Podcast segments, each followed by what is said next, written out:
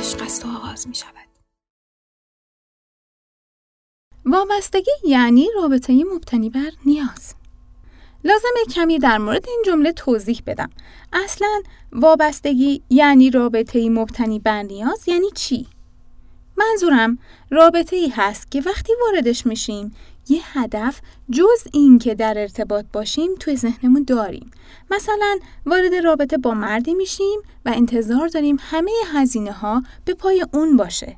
یا فکر می‌کنیم شریک ما مسئول تمام عواطف و احساساتی هست که ما داریم و دلمون می‌خواد داشته باشیم. البته نه تنها اینو بهش نمیگیم بلکه کلا چیزی در مورد نیازهامون نمیگیم و توقع داریم خودش بفهمه. حالا از کجا؟ خدا می‌دونه.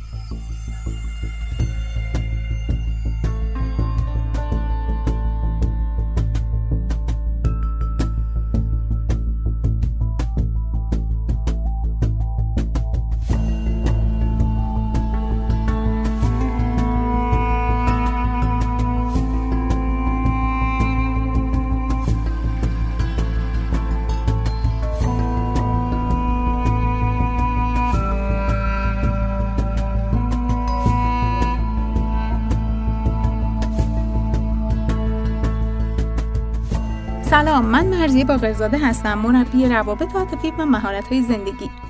این پادکست سومین پادکست از مجموعه صدای خودیاری هست و در ادامه پادکست قبل یعنی وابستگی در روابط عاطفی تهیه شده. مسئله ای که مطرح اینه که وقتی رابطه ای بر پای یک نیاز حالا هر نیازی که می‌خواد باشه چه احساسی چه فیزیکی چه مالی یا هر نیاز دیگه شکل می‌گیره جز ترس از دست دادن چیز دیگه ای ایجاد نمی‌کنه و استرابی که تو این مدل رابطه ها هست کاری می‌کنه که توی طولانی مدت شادمانی و رضایت از رابطه رو تجربه نکنی البته شاید بگی خب وظیفه طرف مقابله که یه کارایی انجام بده قبول دارم اما آیا تو هم وظایف خودت رو توی رابطت می‌شناسی و انجام میدی؟ وقتی دیگری رو از لحاظ روانی و فیزیکی و مالی مورد استفاده قرار میدیم در واقع داریم ازش سوء استفاده می‌کنیم. رفتارمون همدلانه و همراه با مشارکت نیست و مسئولیت خودمون رو توی رابطه جدی نمی‌گیریم.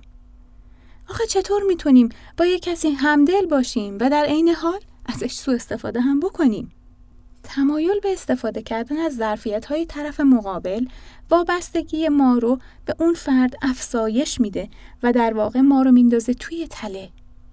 کم کم انقدر این وابستگی زیاد میشه که ما به عنوان یه آدم مجزا هویت خودمون رو از دست میدیم و میشیم وسنه که به طرف مقابل محکم چسبیده و خودش به تنهایی یه فرد معتبر و ارزشمند محسوب نمیشه. اما واقعا می‌خوای چیزی نباشی؟ به تنهایی دیده نشی؟ هویت مجزایی نداشته باشی؟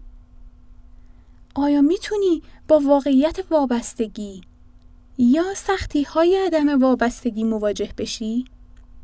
طاقت این کارو داری؟ قادری بهای وابسته بودن رو بپردازی و مسئولیتش رو به عهده بگیری؟ تو می‌تونی وابسته نبودن رو انتخاب کنی؟ ظاهرا بهای وابسته نبودن تنها بودنه.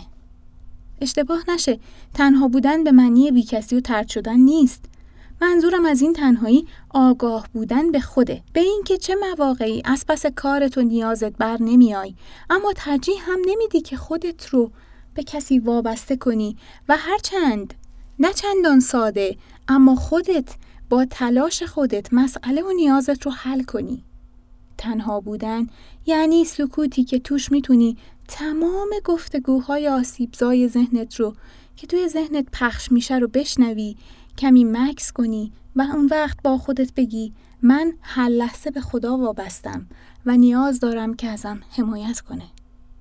همین میل و آرامش و خلوت کمک می‌کنه آدم عاقلتر و خردمندتری بشی و بدون شک خردت به رشد رابطه‌ای که توش هستی یا بعدا واردش خواهی شد کمک می‌کنه.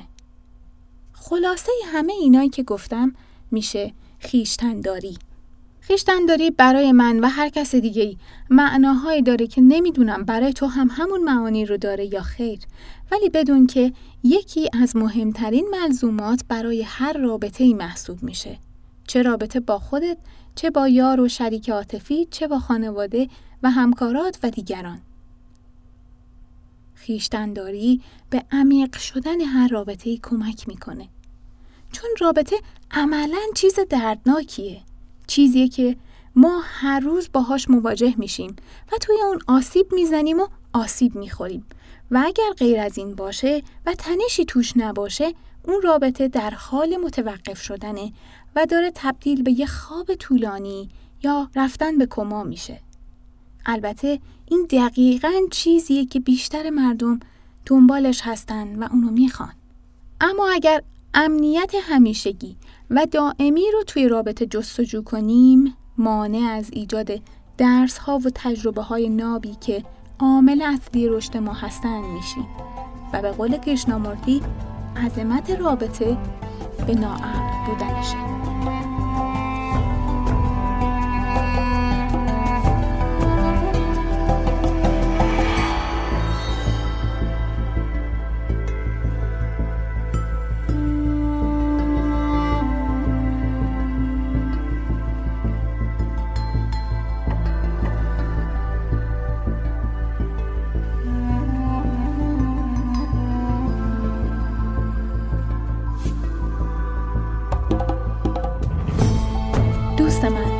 رابطه یه فرایند خودشناسی، خداگاهی و آشکار کردن خوده. اما خب این اوریان شدن رنج داره و ترسناک به نظر می‌رسه و نیاز به ملایمت با خودت داره.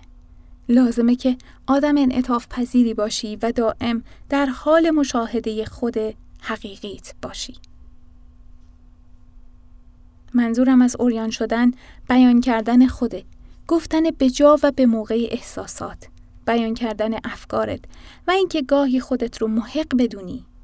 معتقد باشی که افکارت به قدری ارزشمند هستند که بیان بشن و کسی شنوندهشون باشه. وقتی دست از وابسته بودن برداری به طور ناخداگاه میپذیری که توی هیچ رابطه ای جز ارتباطت با خودت این امنیت که ترک نمیشی وجود نداره و هر رابطه ای ممکنه به هر دلیلی خاتمه پیدا کنه و از دسترس تو خارج بشه. وقتی دست از وابسته بودن برمیداری متوجه سبکی و آزادی که توی روحت جریان پیدا می‌کنه میشی و کم کم قلبت شروع می‌کنه دیگران رو با روی خوش میپذیره. کارها و احساساتت و در کل نوع بودنت به جهتی عالی هدایت میشه. حضورت دیگه بوی ترس نمیده و آدما از بودن جور دیگه ای خوشحالن و نمی‌دونن چی شده که انقدر دلشون برای تو تنگ میشه و می‌خوان بیشتر کنارت باشن و با حضورت شادی بیشتری رو تجربه می‌کنن. دلم می‌خواد ازت دعوت کنم این فرصت شگفتانگیز رو از خودت و از دنیای اطرافت نگیری.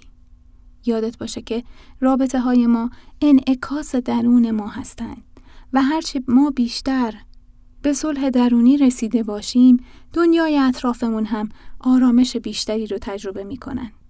صلح کردن با درون قرص و شربت و آمپول نداره و کسی هم نمی‌تونه برات معاهده صلح بنویسه و بگه بیا اینو امضا کن خوب میشی. فقط و فقط خودت هستی که می‌تونی خودتو شفا بدی. بله فقط خودت.